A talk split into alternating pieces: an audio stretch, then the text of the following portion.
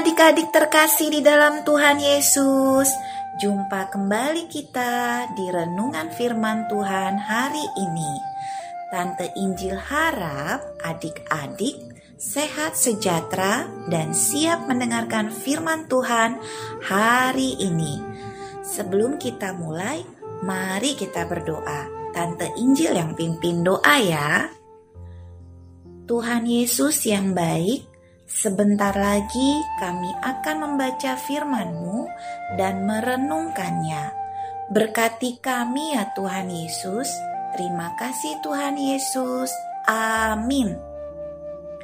Mari kita buka Alkitab kita. Firman Tuhan hari ini diambil dari Kejadian 41 ayat 32. Kejadian 41 ayat 32. Tante Injil yang akan baca ya. Kejadian 41 ayat 32. Sampai dua kali mimpi itu diulangi bagi tuanku Firaun, berarti hal itu telah ditetapkan oleh Allah dan Allah akan segera melakukannya. Demikian pembacaan firman Tuhan. Kak, di sekolah minggu Bintang lagi belajar tentang mimpi Firaun. Bintang jadi heran, kenapa Tuhan harus susah-susah memberikan mimpi kepada Firaun ya? Kenapa Tuhan gak langsung datang saja dan ngomong di depan Firaun? Wah, Pertanyaan bagus Bintang. Kira-kira kenapa ya? Mungkin karena Tuhan sebenarnya ingin menyatakan kuasanya lewat Yusuf. Kalau Tuhan langsung muncul di hadapan Firaun, Yusuf jadi tidak akan bisa berperan dan keluar dari penjara. Iya sih, tapi Bintang masih heran. Ada cara yang mudah, kenapa harus muter-muter dulu? Bintang, itulah cara Tuhan bekerja Terkadang Tuhan bekerja secara langsung, tapi sering juga bekerja lewat orang-orang yang menjadi perpanjangan tangannya. Ini bukti bahwa Tuhan mengasihi dan menghargai manusia, sehingga dianggap rekan sekerja Allah.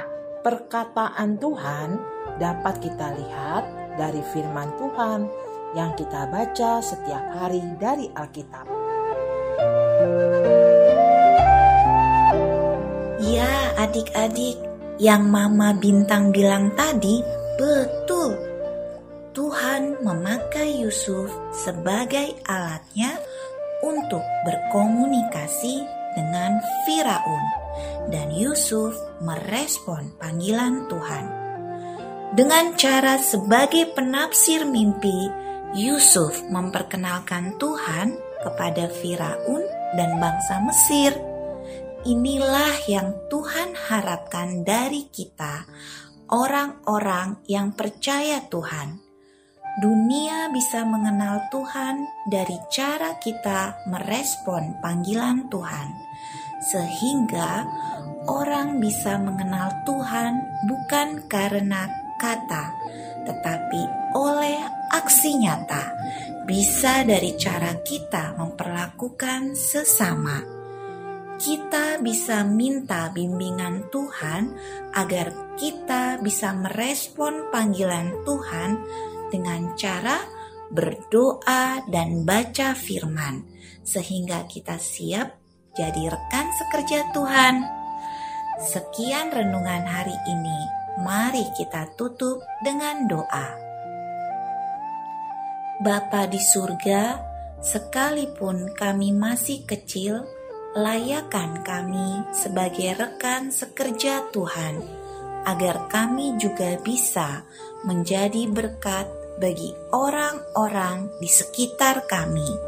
Terima kasih ya Tuhan, dalam nama Tuhan Yesus. Amin. Sampai jumpa adik-adik.